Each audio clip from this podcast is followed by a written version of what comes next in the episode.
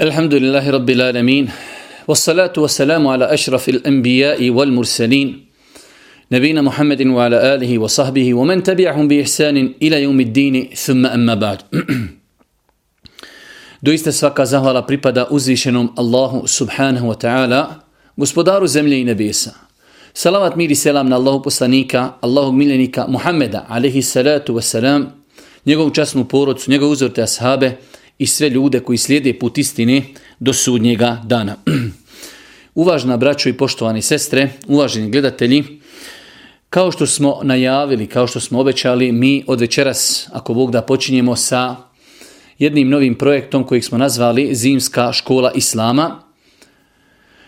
U planu smo, ako Bog da, minimalno dva mjeseca u svim radnim danima da imamo nakon jacije namaza dva školska časa – u ovom periodu pokušat ćemo, ako Bog da, da se družimo sa tri predmeta, islamsko pravo fik, da pojasnimo osnovne propise koji bi trebao da zna čovjek vjernik musliman prvenstveno za vezane za namaz, a nakon toga kada nam ostane vremena ako Bog da i još neka druga poglavlja iz fika. Kada je u pitanju drugi predmet, inšallah iz hadisa ćemo pokušati obraditi komentar nekoliko poglavlja iz Buharine i muslimove izbirke hadisa, poglavlje Edeba, Rakaika i još neka odabrana poglavlja. Kada je u pitanju treći predmet Akida, pokušat ćemo ako Bog da na osnovu hadisa Džibrila alaihi salatu wasalam komentarisati imanske šarte, šest imanski šarta. Jedan od glavnih razloga zašto sam se odlučio da evo u ovom periodu pokrenimo ovaj seminar ili zimsku školu islama jeste da nalazimo se u periodu zime, velik broj ljudi eh, u ovom periodu je kući, pa smo odlučili da iskoristimo ovo vrijeme tamo negdje do, ako Bog da, kraja februara ili možda i polovine maja, da se družimo u noćnim satima izučavajući našu vjeru. S druge strane, primjetno je da velik broj ljudi vraća se, vraća se vjeri, a nisu imali priliku da školski i sistematski uči vjeru. Pa ćemo vidjeti da ljudi poslušaju dosta nekih općih predavanja, ali jednostavno vjeru nisu učili sistematski, nisu učili školski, pa i mnogo osnovnih stvari i zvjeri nedostaje. Pa je to bio glavni razlog zašto sam se ja odlučio da u ovom periodu u zimi zaustavim sva svoja druga predavanja i da se ako Bog da fokusiramo samo na ovaj projekat da e, Znači svake večeri u radnim danima nakon jacije namaza imamo dva školska časa u kojima ćemo se družiti sa ova tri predmeta koja smo spomenuli. Vjerujem da velik broj vas očekuje da na početku e, spomenimo E, nešto vezano za nagrade koje smo mi obećali, a to je e, da ćemo pokušati uz Allahu pomoć da nekoliko ljudi nagradimo koji budu najaktivniji i najbolje prođu ispit, da ih pošaljemo e, u toku mjeseca Ramazan na umru. Ono što je interesantno, prva stvar da bi čovjek učestvovao u ovoj nagradi, čovjek treba prvenstveno da prisustuje kako bi naučio svoju vjeru. E, s druge strane, inšala, ako neka nagrada dođe i usput, to je nešto ako Bog da dodatno. E, mi smo odlučili e, da prva stvar da bi neko, znači, učestvovao u kvizu, treba da presluša predavanja i da svaki put kada presluša neki dersi neko predavanje ostavi neki komentar. Da li će to biti njegov selam, da li će biti ime i prijezme, da li će to biti samo like, ali nam je bitno zbog evidencije koja će se voditi elektronski. E, znači bitno nam je e, da čovjek ostavi neki komentar. Svakako oni koji žele hajr nevezano za ovaj kviz, da e, večerašnje predavanje i sva druga predavanja i šeruju i da ih prenesu kod sebe na svoje profile, to je inšala dodatna korist i dodatna nagrada, ali ono što je nama bitno da biste, ako Bog da na kraju e, seminara, imali mogućnost da uđete u opciju izvlačenja e, nagrada za odlazak na umru, trebate svaki put kada prisustujete ostaviti neki komentar. Da li će to biti samo like, da li će to biti e, selam, da li će to biti pozdrav iz nekog grada, to je stvar koja se vraća vama. Pa smo rekli e, da čovjek treba da prisustuje i da presluša predavanje, to je prva stvar. Predavanja se mogu, ako Bog da, i naknadno preslušati. Sva predavanja koja, ako Bog da, imate priliku ovdje slušati, ostaće na Facebook profilu. S druge strane, e, već od možda sutra ili prekustra, sva snimljena predavanja moći ćete naći na našem YouTube kanalu za one koji žele da to naknadno pogledaju. Mi ćemo za Allahu pomoć kada je u pitanju nagrada odlazak na umru imati dvije umre, a možda ako nam se javi još donatora, a ovo je ujedno i prilika da pozovemo braću i sestre da se uključi ovaj projekat, e, mi ćemo imati dvije umre, imat ćemo jednu umru koja će biti zasnovana na izvlačenju, znači od prisutni. Oni ljudi koji budu prisustvali, elektronski ako Bog da ćemo imati mogućnost da izvučemo jednu osobu kao sretni dobitnik e, za odlazak na umru, a druga umra će biti zasnovana na ispitu. Napravit ćemo inčala elektronski ispit. Čovjek će ili učesnik će ući samo na link koji ćemo mi dati. će nekoliko minuta da odgovori tačno ili netačno. Sodno tome ako Bog da e, najbolji, najbolji insan koji uzme najviše pojena ide na umru. Ako bi se desilo da nekoliko osoba imadnu isti rezultat rezultate, onda će se gledati e, njihovo prisustvo na predavanjima. Onaj ko bude imao najbolje rezultate i bude najviše prisustvovao, njega ćemo ako Bog da poslati na umru. Svakako, ovdje imamo jedan problem, mi bi voljeli da ga možemo drugačije riješiti, a to je e, šta je sa sestrama, pošto žena kada ide na umru mora imati mahrema, mi zaista nismo sada trenutno u mogućnosti da ako bi se desilo da neka sestra bude izučena pa da platimo umru i njoj i njenu mahremu, tako da sestre koje hoće da učestvuju, onda treba da imaju one mogućnost da svom mahremu plate umru, e, pa ako bi se desilo da neka sestra bude izučena, a nema mogućnost da e, plati umru svome mahremu, onda znači njena nagrada ide sljedećoj osobi. Uglavnom, to su neka osnovna pravila koja su postavljena vezana za ovaj naš, ako Bog da, zimski seminar.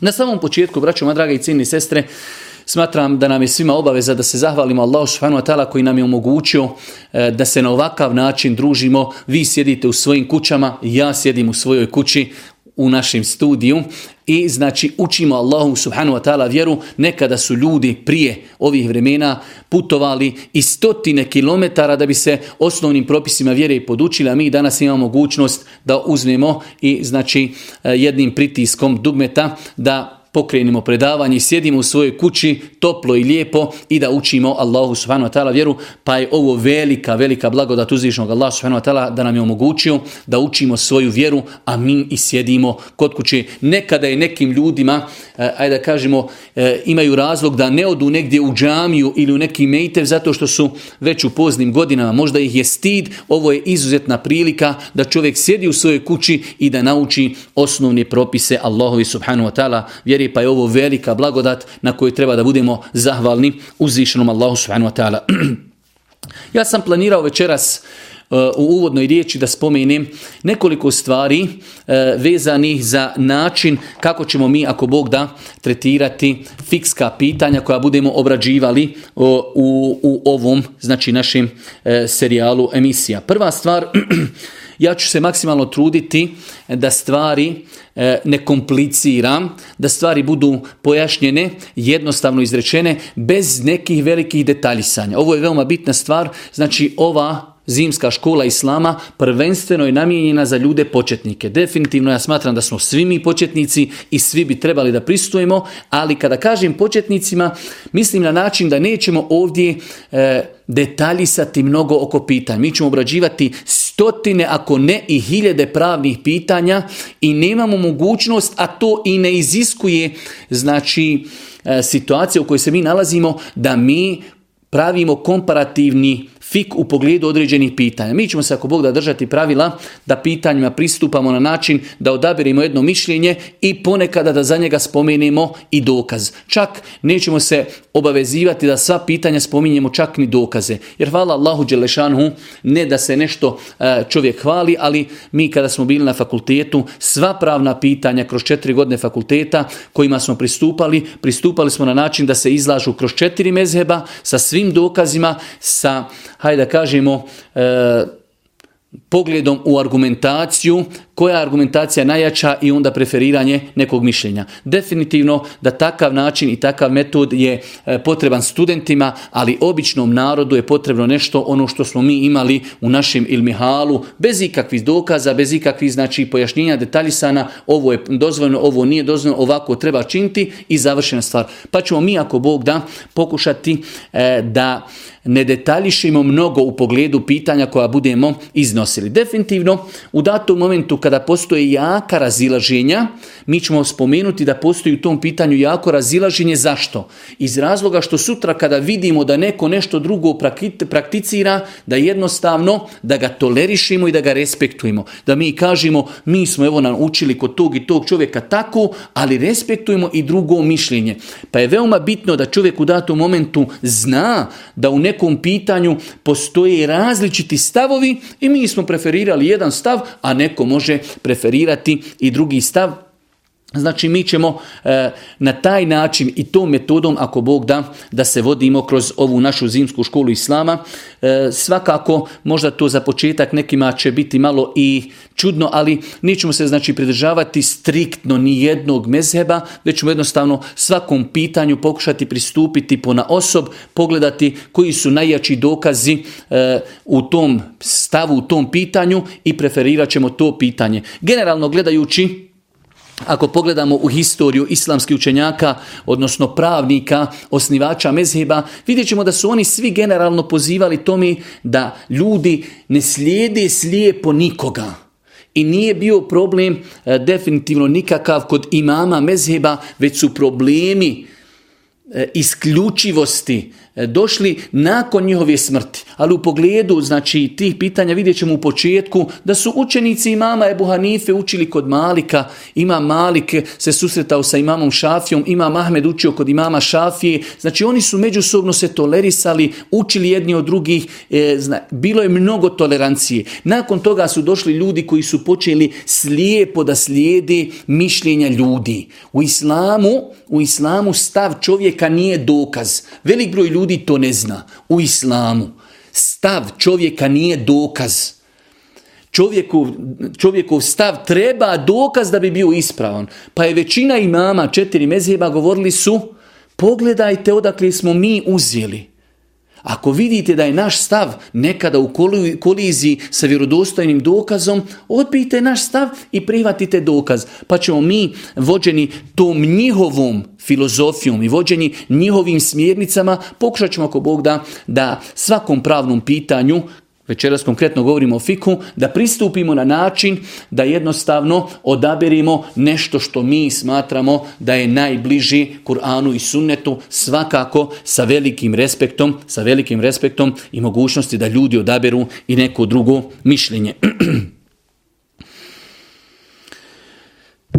Nakon toga smatram na početku veoma bitno da spomenimo određene razloge, a mi smo nedavno kada smo u čitaonici čitali knjigu Namaz radostoka moga, govorili smo malo detaljno o tim pitanjima, ali e, možda se neko u početku, ko prvi put sluša nešto o islamu i začudi i kaže, a zašto mezhebi? Zar nam nije jedan Kur'an, zar nam nije jedan poslanik, zar nam nije jedan sunnet? Zašto postoji u islamu mezhebi? Kako je došlo da ljudi imaju različite stavove?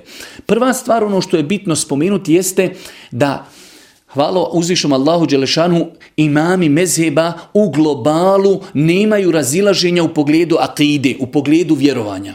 Njihova razilaženja su u fiku. A vidjet ćemo da u fiku postoji jedna velika elastičnost da čovjek određene dokaze može razumjeti na različite načine i samim tim da to uzrokuje da ljudi odaberu e, različita mišljenja u pogledu istih pitanja pa se u većini slučajeva znači razilaženje među učinjacima vraća na razumijevanje. Ali rekli smo prva stvar jeste činjenica da e, generalno gledajući imami mezheba imali su istu akidu, isto vjerovanje. Ali su se razilazili u pravnim pitanjima i to, elhamdulillah, nije sporno. Sam Allah poslanik, ali se letu odobljuje odobrio ashabima, radi Allahu u više situacija da su na isto pitanje gledali sa različitim pogledima i nikoga Boži poslanik alihi salatu wasalam nije ukorio. Pa primjer radi jedne prilike Allah poslanik alihi salatu wasalam svojima sahabima je kazao želeći da ih podstakne, da požuri kada je bila e, znači pohod na Benu Kurezu, Boži poslanik je kazao nakon podne namaza, neka niko od vas ne klanja ikindiju osim kod Benu Kurezi. Pa su ljudi krenuli prema Benu Kurezi, pa je nastupila i Kindija. Pa su jedni ljudi kazali, ljudi nastupila i Kindija, hajde da klanjamo. A drugi su kazali, ne, poslanik je rekao, nemojte klanjati Kindiju osim kod Benu Kurezi. Pa shodno tom njihovom razumijevanju tih riječi Božijeg poslanika, koje jesu dvosmislene, jedni su klanjali, a jedni su odgodili namaz pa su ga poslije klanjali. Pa je Boži poslanik ali se kada je saznao ni jedne niti druge nije ukorio jer se riječi Božih poslanika mogu shvatiti dvosmisleno. Jedni su kazali Boži poslanik nam je želio samo da nas podstakne da što više požurimo pa da stignu, ali generalno mi imamo namaska vremena i kada nastupi kindija mi ćemo klanjati, dok su drugi kazali uzeli su bukvalno riječi Božih poslanika i kazali makar i nakon akšava mi ćemo klanjati kindiju tek kada stignemo kod Benu Kurizi. Pa Božji poslanik nije ukorio ni jednu ni drugu skupinu. Pa znači kada je u pitanju fik ima tu mnogo, mnogo elastičnosti do kada je u pitanju znači vjerovanje akida, hvala uzvišom Allahu pa su imali mezheba generalno gledajući imali istu akidu i isto vjerovanje. Čak kada pogledamo historijski primjer radi Ebu Hanife, rahmetullahi alihi, imao je dva najveća velika učenika Ebu Jusuf i Muhammede Šeibani. Njegovi učenici nakon njegove smrti imali su priliku da se susretnu sa imamom Malikom u Medini, pa su mnoge stavove korigirali i, hajde da kažemo, revidirali kada su čuli znanje koje ima, ima Malik, rahmetullah jalih, jer ima Malik, živi u Medini, imao je priliku da se sretni sa mnogim asabima, dok ima Ebu Hanife, rahmetullah jalih, živio u Iraku.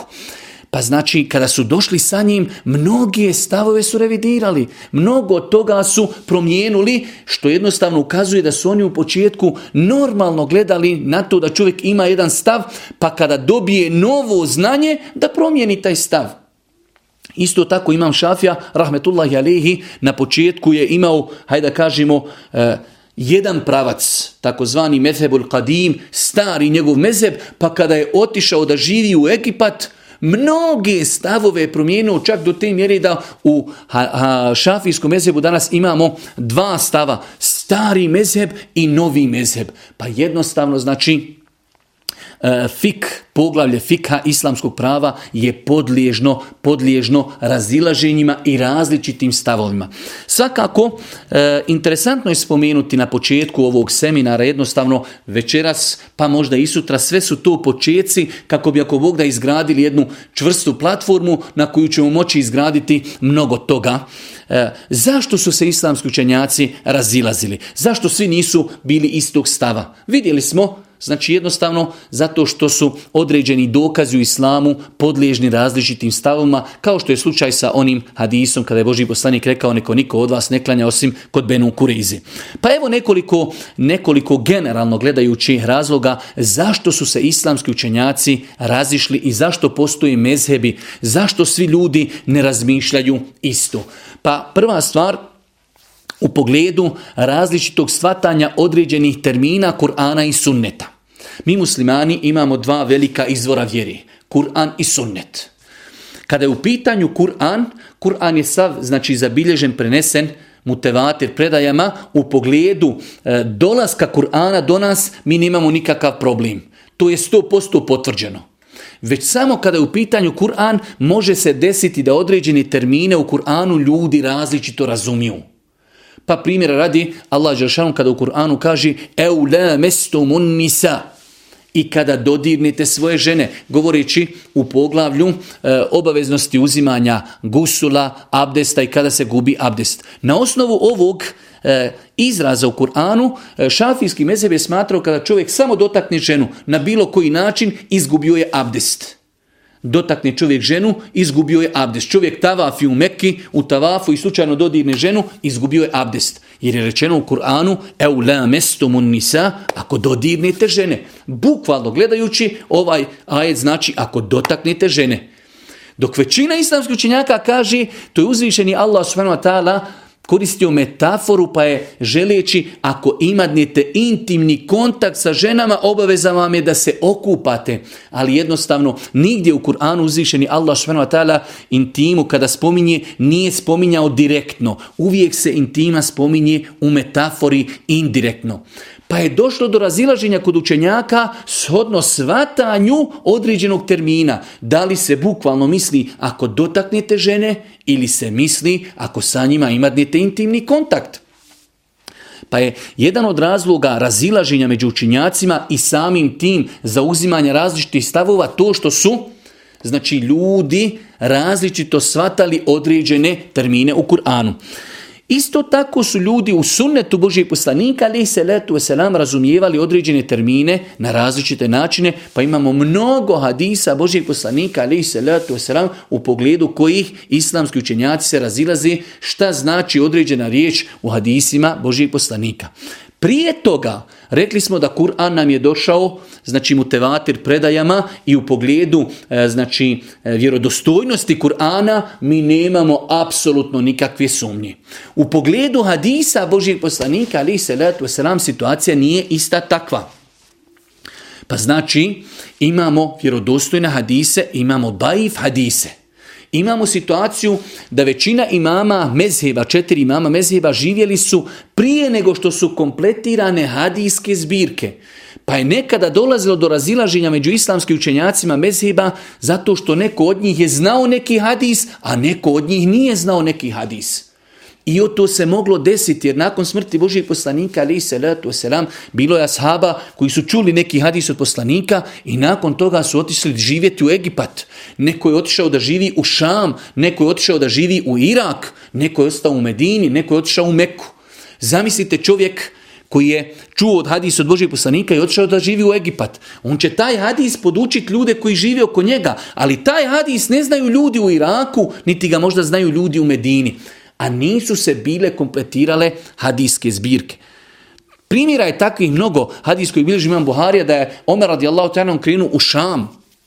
Pa na putu ka Šamu zadesilo, dobio je vijest da u Šamu hara velika kuga. Pa je Omer jednostavno nije znao kako da se postavi, pa, pa je pozvao prvo muhađire, pa ih je pitao šta oni misle, pa je pola njih reklo treba da nastaviš put, to je Allahov kader, Allahova odredba, a pola njih je reklo Omere vrati se, nemoj da se izlažeš opasnosti. Pa je njih sklonuo, pa je pozvao Ensarije, pa je i njih upitao šta kažete, da li da idemo u Šam ili da ne idemo. Pa je pola njih reklo Omere idi, to je Allahova odredba, Allahov kader.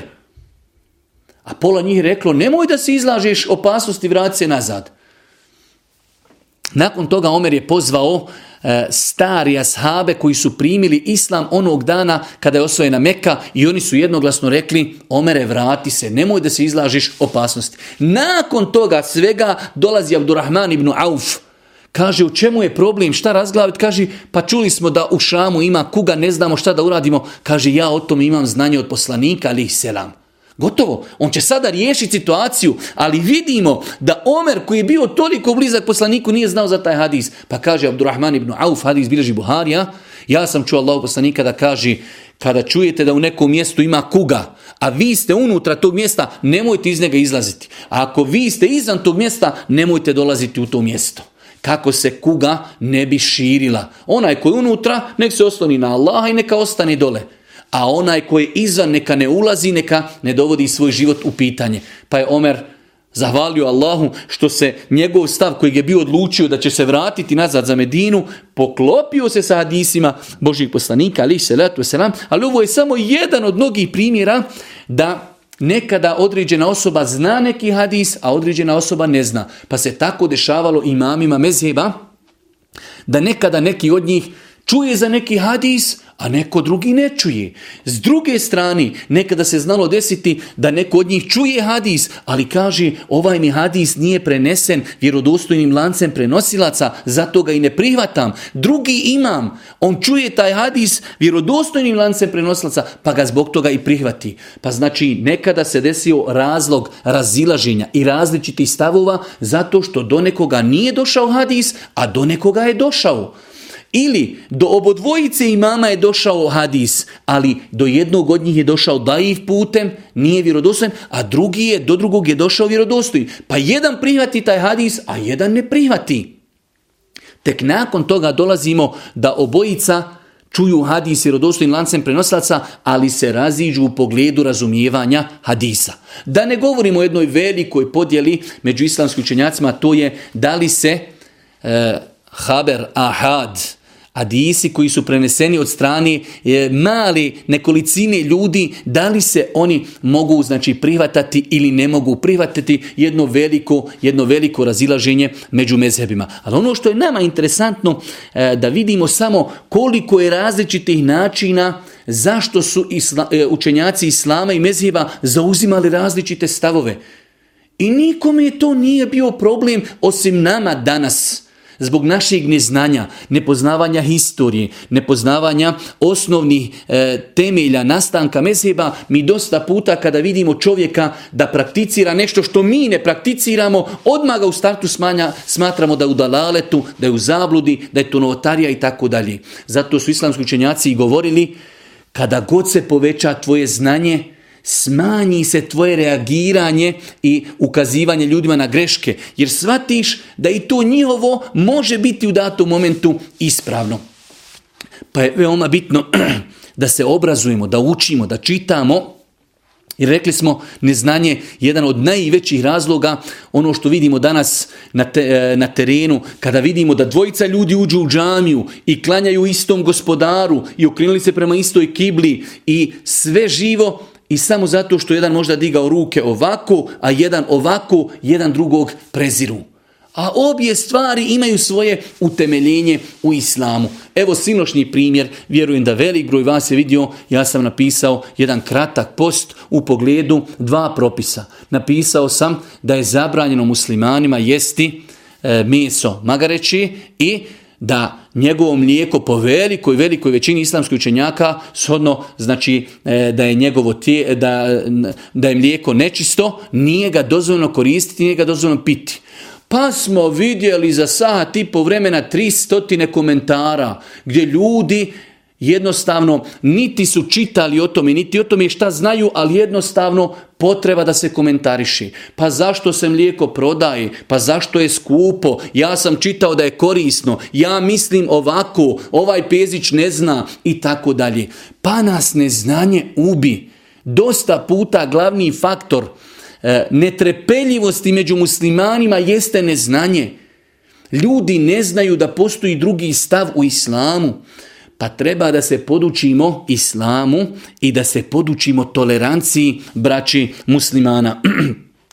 Isto tako, e, razilažen kod učenjaka nastalo je u pogledu nekada određeni hadis, ko što ćemo možda danas ili sutra govoriti kada budemo govorili u pogledu e, da li doticanje spolnog organa kvari abdest ili ne. Islamski učenjaci se razilaze nekada da li je određeni hadis dokinut, derogiran ili ne. Pa jedan imam kaže ovaj hadis je dokinut, drugi kažu nije dokinut. I odmah samim tim odaberu dva potpuno različita stava. Jedni kažu da je dokinut, derogiran, drugi kažu nije.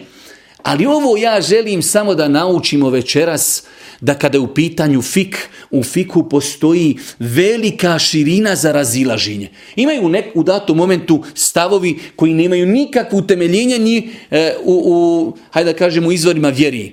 Ali nerijetko nam se dešava da smo grubi, da smo netolerantni prema ljudima koji ne praktikuju nešto što mi praktikujemo, a u osnovi to sve ima svoje utemeljenje u vjeri. Isto tako jedan veliki razlog, nakon što smo vidjeli e, ova dva razloga, različito razumijevanje sumnjeta, različito razumijevanje Kur'ana, e, odnosno iz druge strane e, kako je do kojeg imama došao hadis, isto tako temelji na kojima je izgrađen određen mezheb. Svaki mezheb ima svoje usule, ima svoje temelje. I shodno tome dolazi do razilaženja među e, e mezhebima islama, e, shodno e, kako je koji imam postavio temelje svoga mezheba. Isto tako, dosta puta dolazi do razilaženja među učenjacima kada dođu dva argumenta koja su prividno, prividno kontradiktorna. Kada pokušaju kako pomiriti kako pomiriti tu kontradiktornost? Dosta puta se uzimaju različiti načini pomirivanja kontradiktornosti i samim time dolazi do različitih stavova. U svakom slučaju, braćo moja draga i cijeni sestre, e, ovo sam želio na početku večerašnjeg predavanja da spomenem iz razloga da jednostavno se naučimo da je prostor fika, prostor e, i mjestu gdje se može tolerisati različito i drugačije. Sama ova dva učenika imama Ebu Hanife, Ebu Jusuf i Mohamed Šeibani razišli su se sa svojim imamom Ebu Hanifom sigurno, sigurno u četvrtini mezheba. To su stotine pravnih pitanja, ako ne i više, možda i trećina mezheba, oni su zauzeli različit stav od svoga imama i nikada im to neko nije uzeo za zlo. Jednostavno slijedili su dokaz, slijedili su istinu. I zato nam se dešava da nekada možda imam mezheba kojeg mi slijedimo mezheb, Možda je imao opravdanje kod Allaha, jer možda nije znao za hadis, možda nije čuo određen propis. Mi danas smo čuli taj hadis, ali mi dajemo prednost govoru imama nad govoru Božijeg poslanika, pa smo mi griješni, a on nije griješan. On nije znao taj dokaz i nije ga prihvatio. Mi smo čuli dokaz, ne želimo da prihvatimo samo iz razloga što je naš imam rekao nešto drugo. Imami Mezeba nisu pozivali time i vidimo da njihovi najveći učenici nisu razumjeli da se ima Mezeba mora slijepo slijediti.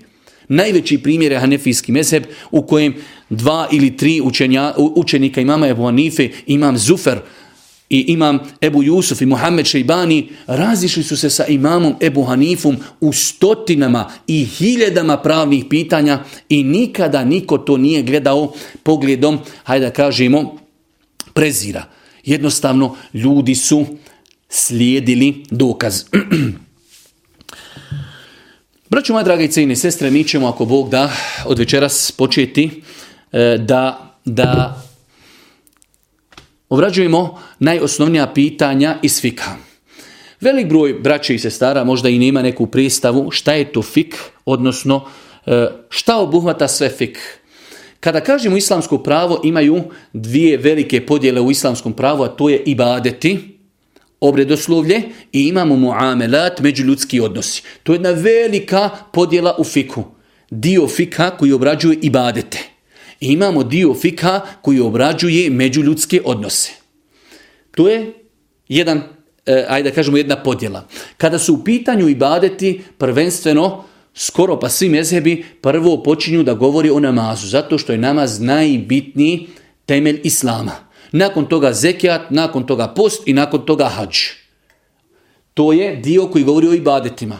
Kada se govori o međuljudskim odnosima, tu postoji razno razni načini kako se redaju poglavlja, ali većinom se tu govori o kupoprodaji, govori se o braku, govori se o razvodu braka, govori se o izrani, govori se o zakljetama, govori se e, o kadiluku i tako dalje. Međuljudski odnosi kupoprodaja i sve vrste kupoprodaje, kamata i sve što, sve što Govori se o braku, govori se o razvodu braka, govori se o zakljetama, govori se o izrani i tako dalje.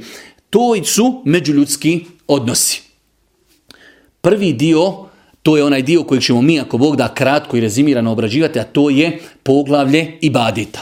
Prvo poglavlje i u ibadetima jeste najbitnije poglavlje namaz. Namaz da bi bio validan i ispravan šta? Treba da uzmemo abdest i da se okupamo ako ne daj Bože nismo čisti. Pa sve idemo, znači da, da nađemo početak. Hoćemo govoriti mi o namazu. Dobro, odakle da počnemo?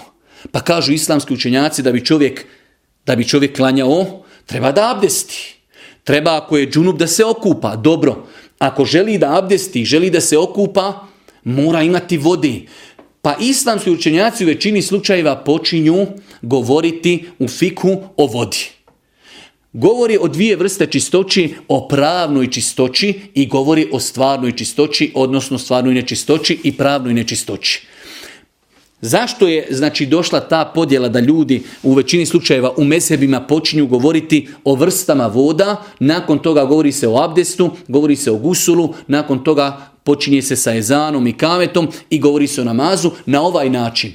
Znači rekli smo fik se dijeli na dvije velike, e, na dva velika dijela. Jedan dio koji govori o ibadetima imamo drugi koji govori o međuljudskim odnosima. Kada su u pitanju ibadeti, definitivno najbitniji ibadet je namaz. I evo, rekli smo, mi večeras hoćemo da počnemo govoriti o namazu. Dobro. Odakle početi govoriti o namazu? Najprioritetnije je govoriti o uvjetima namaza, o abdestu. A da bi govorili o abdestu, ne možemo abdestiti osim da imamo vodu. Pa je potrebno da čovjek vjernik, ako ništa u globalu poznaje šta je u islamu čisto, šta je nečisto, kako čovjek može očistiti nečistoću i kako može postići pravnu čistoću. Pa znači, ovo je samo da shvatimo način i razlog zašto počinjemo od vodi. Zašto počinjemo od vodi. Islamski učenjaci u većini slučajeva kada znači govori o, o fiku, u fiku počinju o čistoći. Imamo u islamu dvije čistoće. Imamo čistoća stvarna. A to je, odnosno imamo nečistoću, da čovjek ima na odjeći nešto što je isprljalo njegovu odjeću i treba da to ukloni da bi mogao ustupiti u namaz. To je stvarna čistoća ili stvarna nečistoća. Imamo pravnu čistoću i nečistoću a to je nešto što se ne može vidjeti. Stvarna nečistoća je nešto što imamo na svojoj odjeći ili na svome tijelu ili na mjestu gdje ćemo klanjati. Ne daj Bože imamo mokraću na hlačama ili imamo mokraću na ruci ili na srđadi na koju hoćemo klanjati. Pa treba da tu nečistoću uklonimo. To je šta? Stvarna čistoća ili nečistoća. Imamo pravna čistoća i nečistoća, a to je nešto što imamo pri sebi što nas sprečava da obavimo namaz. Vi sada kad vidite čovjeka na ulici ne znate ko je pod abdestom, ko nije. Osim da ga upitate, gospodine ste li vi pod abdestom ili niste? Jer to ne piše na čelu i ne vidi se. To je nešto što imamo mi u sebi, a što se ne vidi. Pa čovjek može biti stvarno čist, stvarno, nema nečistoći, ali je pravno nečist. Ne može klanjati, nije uzeo abdest.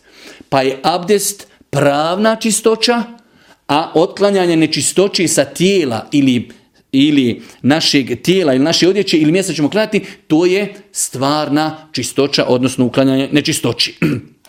Kada je u pitanju stvarna čistoća, ona se vezuje, za rekli smo, za tijelo, ovo je veoma bitno da zapamtimo. Stvarna čistoća se vezuje za naše tijelo, može nam tijelo biti uprljano nekim neđasetom za našu odjeću i vezuje se za mjesto gdje ćemo klanjati. A kada je u pitanju pravna čistoća, ona se vezuje znači za naše tijelo samo.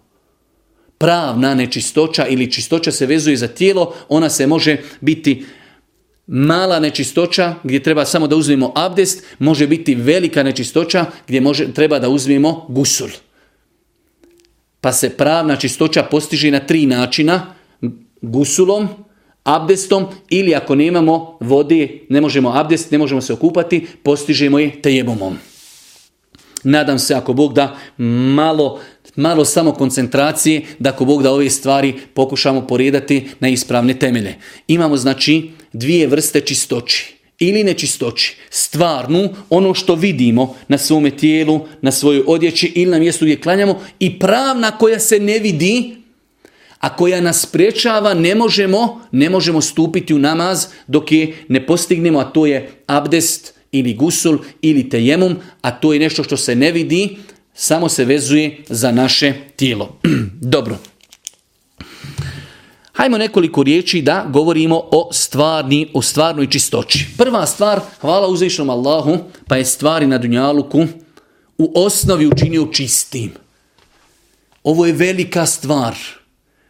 Gradimo sada temelje. Tek noćas postavljamo temelje za ono što ćemo sutra i preko sutra graditi generalno stvari koji nas okružuju po islamu su čiste. Sada ja ovdje u ovom studiju vam mogao nabrojati mnogo stvari koje vidim svojim očima ili vi u svojoj kući. Pa je ormar čist, pa je čilim čist, pa je auto čisto, pa je posuda čista, pa je odjeća čista, pa je flaša čista. Osnova, osnova svih stvari na zemlji jeste čistoća. Ovo moramo, to nam je znači temelj na kojim gradimo. Imaju neke stvari u islamu koje su nečiste ali generalno stvari generalno stvari u osnovi su generalno stvari u osnovi su čiste. Normalno ovdje treba ukazati na jednu stvar o kojoj ćemo poslije govoriti. To što određenu stvar proglasimo čistom, šerijatski, ne mora značiti da mi nju moramo koristiti, ali je namo bitno da znamo propis. Pa mi u osnovi za stvari koje nas okružuju kažemo da su čiste. Pa primjer radi čovjek je otišao na posao, Neko radi na baušteli pa je isprljao svoje hlače cementom, isprljao ih je zemljom, isprljao ih je možda naftom, benzinom, polio ih je vodom. Sve te stvari u islamu su čiste. Sada, da li će čovjek skinuti hlače, da li će čovjek obući druge hlače prilikom namaza, to je nešto drugo. Ali mi govorimo taj čovjek ako bi imao potrebu da klanja u hlačama na kojima ima cementa ili ima zemlji ili ima e, a, posutog možda e, benzina ili svakako sam nek se približava vatri, ali posutog možda dizela, nečega, nafti, on može tako klanjati. Zašto? Jer je osnova u stvarima koji nas okružuju čistoća. I ovo nam treba mnogo u životu. Velik broj ljudi ostavlja svoj namaz na poslu ili negdje kada putuje ili negdje kada je na nekom izletu zato što ne zna gdje može klanjati. Na svakom dijelu zemlje čovjek može klanjati. Pa dobro dođe šetan i kaže možda je tu neko prije 15 godina vršio nuždu. Možda, ali je osnova da je to čisto, a da je izvršio nuždu koliko kiša je palo i kiša je to očistila i oprala. Pa nam je veoma bitno da poznajemo šta je u islamu čisto, pa ga ne moramo se čuvati, i šta je nečisto, pa ga se moramo čuvati. Postoje određene stvari koje su čiste po islamu, čiste u smislu ne moramo ih prati ako se nađu na našem tijelu ili odjeći, jer nam je tada namaz ispravan, ali one su možda nama malo i gadljive ali nema znači, hajde da kažemo, veze između toga nešto čisto i nešto gadljivo, a o tome ćemo ako Bog da poslije govoriti. pa je prva stvar, rekli smo, osnova u stvarima koji nas okružuje jeste da je sve čisto. Sečija je čista, stolica je čista, čaša je čista i tako dalje. Sve dok se ne dotakne sa nečim za što ima jasan dokaz da je određena stvar nečista. Dobro, da ako Bog da na brzinu šta je u islamu nečisto i time ćemo ako Bog da završiti prvi čas, nakon toga pravimo jednu desetominutnu pauzu i onda se vraćamo drugom času. Rekli smo osnova u islamu kada govorimo o čistoći, vanjskoj čistoći koja je vidna, jeste da je sve oko nas čisto. Osim stvari koje su potvrđene jasnim dokazima su nečiste. A pa prva stvar jeste ljudski izmet i ljudska mokraća ljudski izmet i ljudska mokraća, ako se desi da čovjek uprlja svoju odjeću ljudskim izmetom ili ljudskom, odje, e, ljudskom mokraćom, obavezno mu je da dio odjeće ili dio tijela na kojim se to nalazi operi. Velik broj ljudi opet ne zna propis ako se desi da nečistoća unečisti našu majicu ili našu e, hlače. Nama je obaveza da očistimo samo dio koji je uprljan nečistoćom. Pa ne daj Bože se desi da kap mokraće kapni nama na rukav. Mi ćemo oprati samo taj dio. Svakako mi možemo zamijeniti majicu, ali nam nije obaveza. Nekada se desi da čovjek je možda negdje na aerodromu, negdje na putovanju, u kancelariji, negdje je bio na poslu i desilo mu je se da mu je kap mokraće pala na e, cipelu ili na hlače ili možda na košulju.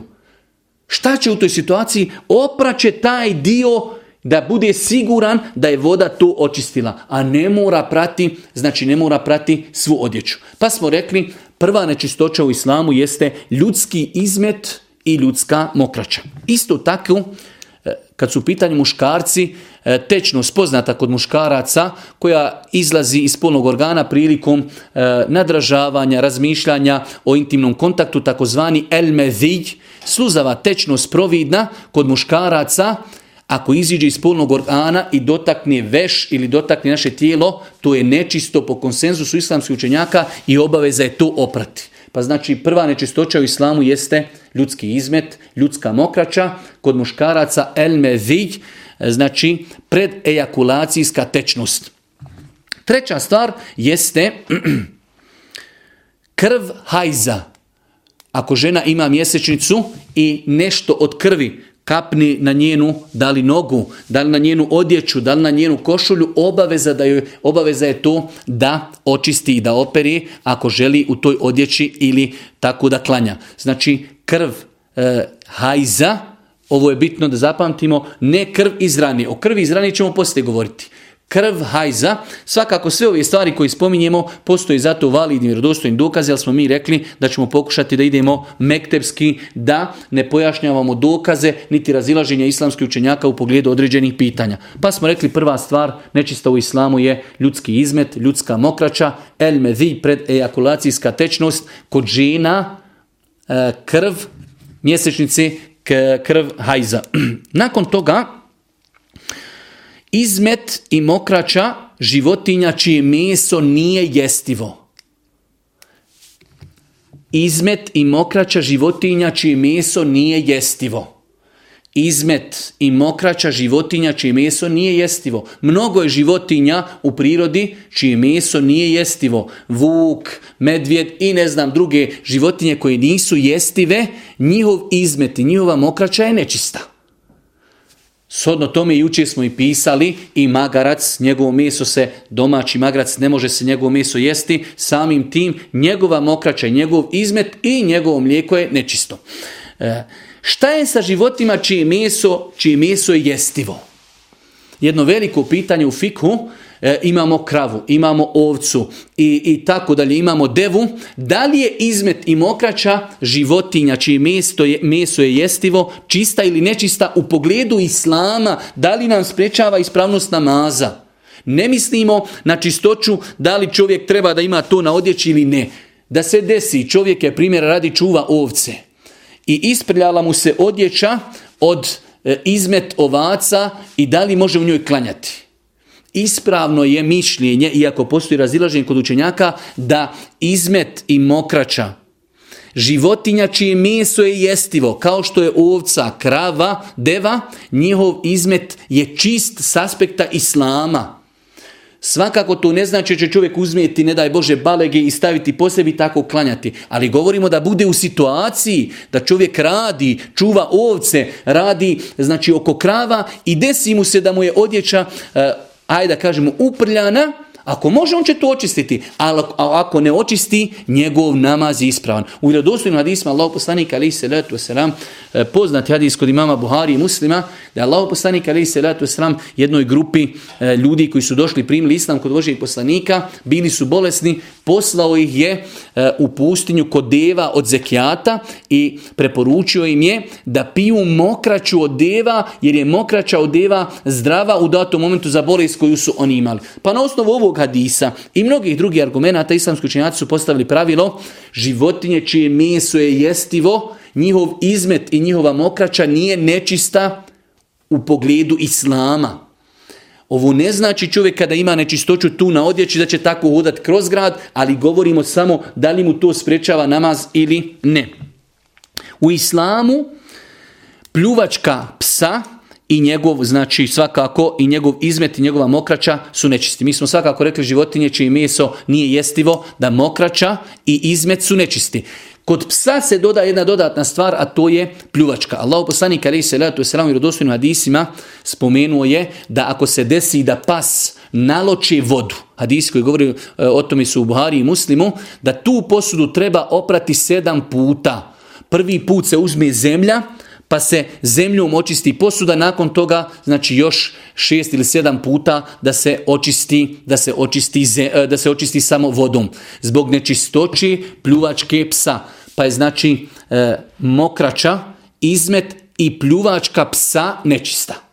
Velik broj učenjaka smatrao i tijelo psa nečistim, ali zato ne postoji dokaz. Tako ako bi se desilo da pas naiđe pored čovjeka i dotakne njegovo tijelo svojim nekim dijelom, repom ili nogom, to nije nečisto. Osim ako bi, ne daj Bože, dodirnuo ga pljuvačkom ili, ne daj Bože, znači mokrača ili izmet psa ako bi dotakao e, čovjeku e, odjeću, onda mu je obaveza to operi. Pa znači, kada je u pitanju pas, pošto njegovo meso nije jestivo, njegova mokraća i njegov izmet su nečisti, njegova pljuvačka je nečista na osnovu hadisa Božijeg poslanika ali salatu wasalam, da kada pas naloči e, određenu posudu, da se takva posuda treba oprati sedam puta, prvi put će se oprati zemljom, a nakon toga samo sa, samo sa vodom. E, sljedeća stvar koja je nečista u islamu jeste meso i cijelo tijelo svinje, Svinja u islamu inače zabranja i njeno cijelo tijelo je e, nečisto. Mrljina. Mrljina je nečista u islamu kada imamo životinju koja nije šerijetski zaklana, ona je mrljina, leš, lešina i ona je nečista. Vidjet ćemo poslije da se koža od e, mrljini, životinji, koja se može zaklati i da se jedi, ona se može očistiti štavljenjem. Koža od životinji čije meso je jestivo, može se, može se ona znači očistiti štavljenjem. Imamo za kraj da malo e, nekoliko škakljivih pitanja i time završavamo ovaj naš prvi čas, a to je E, propis, propis spermi u islamu postoji jako razilažen kod islamskih učenjaka da li je sperma čista ili nečista u smislu ako kapne na odjeću da li je moramo očistiti ili ne. Tačno je mišljenje inša Allah bi iznila da sperma nije nečista, da je čista. Što znači ako bi se desilo čovjek ima spermu na odjeći, inšala, ako bi tako uklanjao, njegov namaz bi bio ispravan, a rekli smo, postoji jako razilažen kod islamskih učenjaka u pogledu spermi. Isto tako, alkohol, alkohol, on je zabranjen za piti. I velik broj učenjaka je povezao zabranu pinja sa nečistoćom, a ne postoji dokaz. Ne postoji jasan dokaz koji ukazuje da je alkohol nečist. Velik broj učenjaka je smatrao da je alkohol nečist. Ali ne postoji dokaz, čak šta više postoje jasni dokazi da alkohol je čist, čist Znači ako bi se desio da ukapa našu odjeću, možemo u tome klanjati. Pa je razlika, alkohol je zabranjen za piti, ali inšala biznila je čist za dotaketi. Pa znači rekli smo sperma je inšala čista, a postoji jako razilaženje. Alkohol, kod velikog broja učenjaka smatrali su da alkohol nečist, ali mi kažemo postoje dokazi da je alkohol zabranjen za piti. Ne postoje jasni dokaz da je alkohol nečist. Što znači, ako bi se desilo da alkohol e, ukapa našu odjeću, naša odjeća inšala i dalje čista. I zadnja stvar, odnosno predzadnja, krv čovjeka koja ističe iz rani. Velik broj učenjaka smatraju da takva krv je nečista. Ali s druge strane, ako pogledamo, ne postoje dokazi da je krv nečista. Rekli smo, sve stvari oko nas su čiste. Kako da čovjek bude čist, a u njegovim venama kola E, krv koja je nečista. Pa je inšala bizna i ovdje tačno da ljudska krv koja se nalazi u venama je čista. Ljudska krv kada iziđe na ranu je čista. Sahabi su znali biti u džihadu i tako u ranama koje su tekle i krvale tako su klanjali pa znači krv je također čista, iako moramo znati, nemoj da se iznenadimo kada neko dođe i kaže krv je nečista. Dobro, ima u islamu stav i to je ogromna većina islamskih učenjaka smatrala da je krv nečista, ali mi kažemo argumenti ne postoji jasan jasan argument i vjerodostojan koji potvrđuje da je krv nečista. Krv izrani ljudska krv, znači inšala biznila je čista. I zadnja stvar, ako se desilo čovjek povrati, pa ona tečnost e, koja iziđe, da li je čista ili nečista? Ona je nečista s aspekta da se nama na nju gadi, ali ne postoji dokaz da nešto što smo mi pojeli i bilo je halal, nakon toga to povratili, da je to nečisto. I opet, opet kažemo, velik broj učenjaka kazao je i da tečnost koju čovjek povrati je nečista, ali mi e, znači se držimo onog velikog pravila, to je sve oko nas je čisto dok se ne dokaže da je nešto nečisto. Vratit ćemo se poslije nakon kraće pauze ako Bog da ovom dijelu da ga još dodatno malo pojasnimo. Subhaneke, Allahume ve bihamdike, šedun la ilaha ilan stakfiruke ve etubu ilaik.